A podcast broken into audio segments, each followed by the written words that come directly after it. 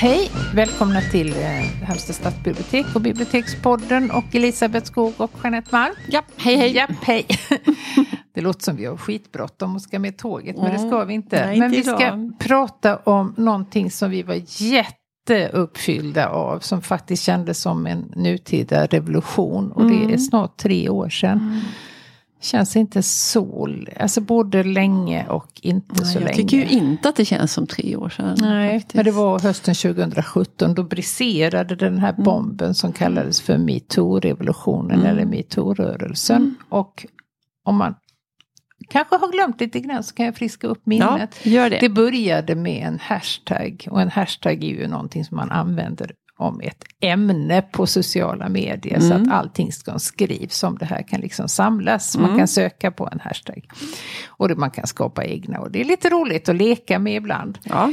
Men här var det ett allvarligt syfte. Det var en eh, skådespelerska som heter Alyssa Milano. Och hon bad alla kvinnor som någonsin hade ofredats sexuellt av en man att använda den här hashtaggen. Och det exploderade. Alltså internet exploderade. Man kan inte säga någonting annat. Eh, och det ledde då till att eh, Harvey Weinstein, du vet den här know. eh, producenten, Hollywood-producenten, faktiskt dömdes till fängelse. Han var ju ökänd för sina övergrepp och trakasserier Ja. och tafsande som han hade hållit på med i Alltså hur länge som helst. Mm. Och alla visste om det och det skämtades öppet om det. Man kunde skämta om det på Oscarsgalan. liksom. Och alla fattade. Mm. Ja, Men han var ändå på, oantastlig. Han var oantastlig. Ja. Det fick pågå. Mm.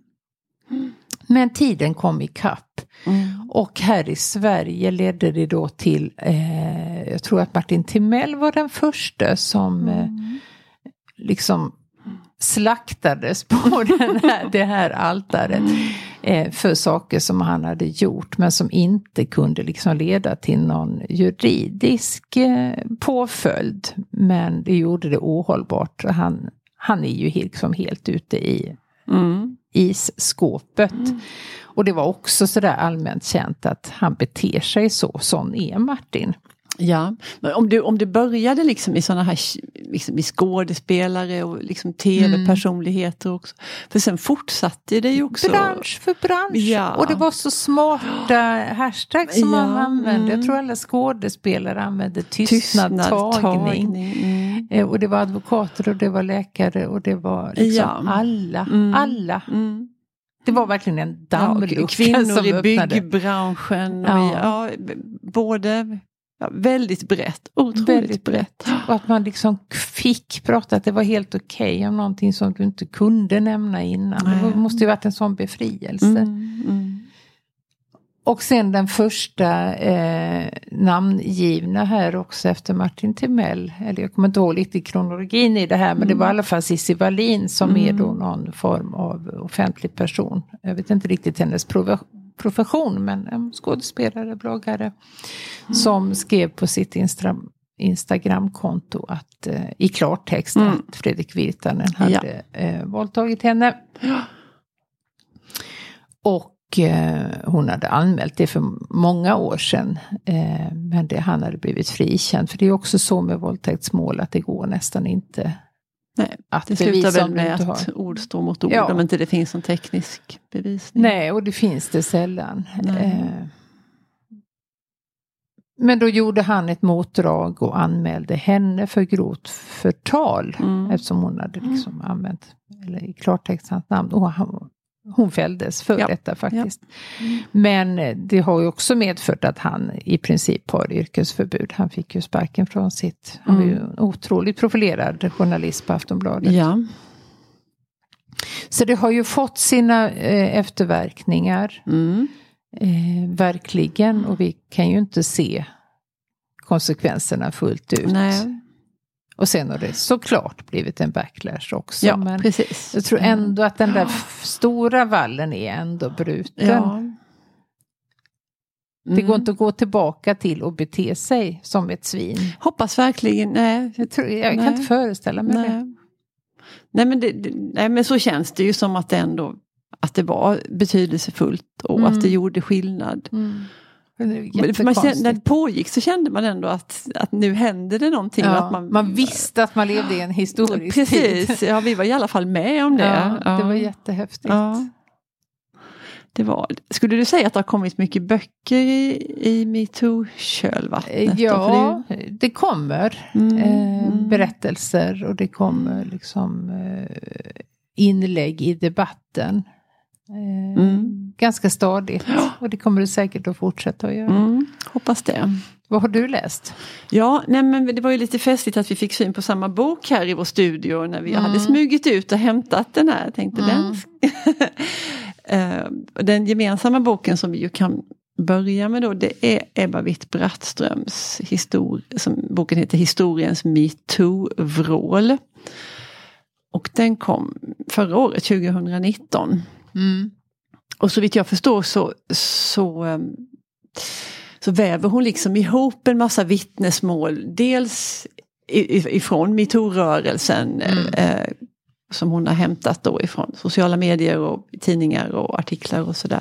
Med, med litterära, eh, alltså med skildringar från skönlitteraturen som Ja, tar upp sådana här alltså väldigt långt tillbaka. Ja, både, alltså både Moa Martinsson och eh, ja, Ovidius metamorfoser. Mm. Och så, så väver hon liksom samman de här. Och lyfter fram exemplen på Mm. eh, hur det var Ja, och hur det framställdes. precis. Eh, och att det här är verkligen ett sånt Ja, det drabbar, alltså det här våldet, de här övergreppen, det här Mm. sexuella våldet mot kvinnor, att det inte gör någon skillnad över tid, inte bryr sig om klass eller etnicitet. Nej. Eller vad det är för några kroppar, utan att det är så. Nej, jag gillar greppet. Mm, verkligen. Och just när man får den här samlade mängden också så förändrar Mm. det ju ens Mm. Insikter i det. Att det här är inga isolerade händelser. Nej. Utan det här är ju Nej. någonting som är liksom grundfäst i så här kan vi bete oss. Mm. Halva mänskligheten kan bete sig så här mot den andra halvan Ja. utan att det händer någonting. Nej. Man kan prata om dem på det här sättet. Vi har ju en amerikansk president som liksom har uttryckt sig på fruktansvärt sätt mot kvinnor Mm, och han kan mm. göra det. Mm. Ja, Mm. Du hade något ställe i boken Jag hade som något du... ställe Ja. eh, där eh, Ebba Witt-Brattström riktas till dig som är man, Mm. skriver hon. Tänk dig att villkoret för din existens är en ständig lågintensiv vaksamhet, ett sårigt nervsystem. Tänk dig att dina, din trygga cykelväg när som helst kan övergå i trefilig motorväg där det råder hjälmförbud. Kort sagt, tänk dig att du är född till kvinna när du läser.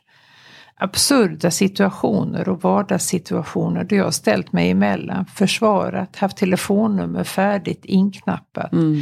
talat i telefon på natten, hållit utkik, hållit hand, valt en annan väg. Valt andra kläder eller en annan bild, undvikit situationer, avvägt risker, tytt mig till andra kvinnor. Hållit ett extra öga på situationer i ögonvrån. Mm. Fått och skickat allt är okej meddelanden. Antingen jag själv, syskon, vänner, andra kvinnor, yngre flickor som behövt hjälp mot oönskat sexuellt beteende i handlingar eller ord. Ibland potentiellt hotfulla sexuella situationer. Det är nästan dagligen eller flera gånger om dagen som jag eller vi anpassar beteende efter hur vi vill uppfattas eller vad vi vill undvika eller eftersträvar i vardagen som kan uppfattas fel. Mm. Mm. Mm.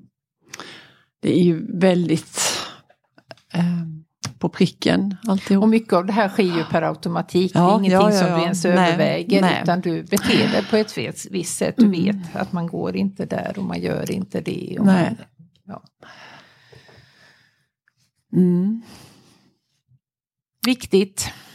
Otroligt viktigt.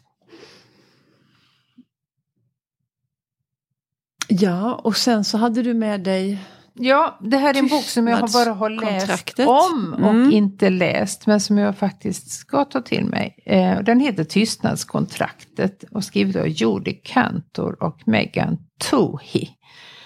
Eh, och det handlar om eh, de som avslöjade Harvey Weinstein, hur de gick tillväga. Det är reportrarna på New York Times. Mm. Och hur de liksom intervjuade och pratade med folk. Det var ju ett gigantiskt liksom, journalistiskt arbete. Eh, och det är alltid tycker jag är så fascinerande att följa. Eh, Mm. Precis som en bok som vi ska prata om lite senare. Mm, mm. Hur, hur det har gått till och hur man har tänkt under tiden. Ja. Och hur, vilka risktaganden man har gjort. Och sen det färdiga resultatet. Ehm, och att det är farligt. Alltså det är ju väldigt farligt att avslöja eh, offentliga lögner. Man tar en risk med sin egen... Definitivt, liksom, ja. Mm. Det Mm. finns ju många exempel på att det inte har gått så bra. Men eh, det kallas kvinnlighetens motsvarande till Watergate-avslöjandet. Mm. Feminismens svar på alla presidentens män. Ja. Eh, en annan bok som är väl, den är så ny så den har inte kommit ut ännu. Eh, men det kan ju vara intressant att nämna den i alla fall. Det är, nu är vi tillbaka, eller vi är bland skönlitteraturen nu och det är en roman som heter Gertrud av Moa Gammel Ginsburg. Och hon är skådespelare. eh, Den här Mm. Moa Gammel. Eh, Hon har varit med i hur mycket filmer och Ja tv-produktioner som helst. Och jag vill minnas att hon var en av de här som var med i metoo-rörelsen och vittnade och var liksom en förgrundsgestalt där. I den här ursprungliga artikeln den- menar ja, du? Precis, ja. Mm, mycket möjligt. ja. Eh, och jag hörde en intervju med henne där hon eh, berättade om sin roman som heter Gertrud. Och känner ni igen det här? I Gertrud så, så är det ju en Hjalmar Söderberg, ett Hjalmar Söderberg-drama Mm. eh, som hon har gjort, skrivit om i nutid i metoo efterdyningarnas tid. Mm. Eh, men hon sa att hon hade att, att det hade varit bra för henne att skriva den här boken, att det hade varit liksom som en Alltså hon använde ordet att det var liksom terapeutiskt skrivande och det tror jag inte man, då behöver man inte tänka att boken inte ska vara så bra för det, för det kan den ju vara Mm. i alla fall. Ofta har det en liten tveksam klang kanske. Ja, ja. Men det tror jag vi kan bortse ifrån i detta, för det verkade jätteintressant. Ehm, just hur hon själv har bearbetat allt det här som hände, för det var ju verkligen, och de som steg fram och berättade om sina erfarenheter, de var ju verkligen i stormens öga där. Mm. Fick väldigt mycket uppmärksamhet och väldigt mycket skit, och, Oh ja. som vanligt såklart. Ehm, men Gertrud i Moa Gammels bok, hon är modell och skådespelare. Ehm, och hon, hon och hennes man eh, flyttar till USA, till Hollywood eh, och ska, det har hänt något som man inte får veta så mycket om, tror jag, är något tragiskt i deras liv innan som de ska liksom starta om i, eh, i USA istället. Och, eh, och så, så finns det lite olika personer där som Um, det finns en författare som heter Gabriel som, alltså det hon ser sig genom de här olika männens blickar, genom liksom relationerna. Mm. Ehm, han har betraktat, han är författare och han har liksom, hon har varit hans musa och så är det hennes man Gustav och han vill ha liksom en, en fru, en representativ fru, stod det någonstans. Eh, och sen finns det också en regissör ehm, och han har en helt annan agenda med sin Mm. relation Mm. till henne. Ehm, ja, och, och hon använde liksom eh, Hjalmar Söderbergs, eh, vad ska vi säga, ja, formatet eller eh, Ja. eh, formen. Och så gör hon något nytt av det i nutid i Ja, det är metoo. alltid intressant. Ja, För det gör det ju också. Då läser man ju, om man nu skulle läsa om eh, Hjalmar Söderberg, så Mm. läser man ju den med annan blick På- ja. eh, efteråt. precis. Den ser vi fram emot. Ja, det gör vi. Min andra bok, bokexempel här, det är ju Matilda Gustafssons Klubben. För den kan man inte förbigå när man Nej. pratar om metoo-rörelsen. För det var ju hon som genom den här, hon är ju reporter på DN. Mm. Eh, och hon gjorde ju det här bragd, bragden att leta rätt på ett stort antal kvinnor som hade blivit utsatta av eh, Jean-Claude Arnault som väldigt länge kallades för kulturprofilen. Mm. Och till slut fick hon 18 stycken vittnesmål. Eh, inte alla, eller ett litet andel av dem ställde upp med eh, namn och bild i ett jättestort reportage. Men det stora flertalet var ju liksom anonymiserade. Ja. Men sams samstämmigheten i deras berättelse var ju helt... Så jag kommer ihåg första gången jag läste den här artikeln, det var ju också 2017 då.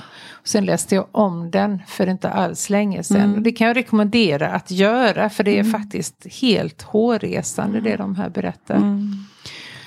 Eh, den ligger fortfarande digitalt på, på DN så den kan man hitta.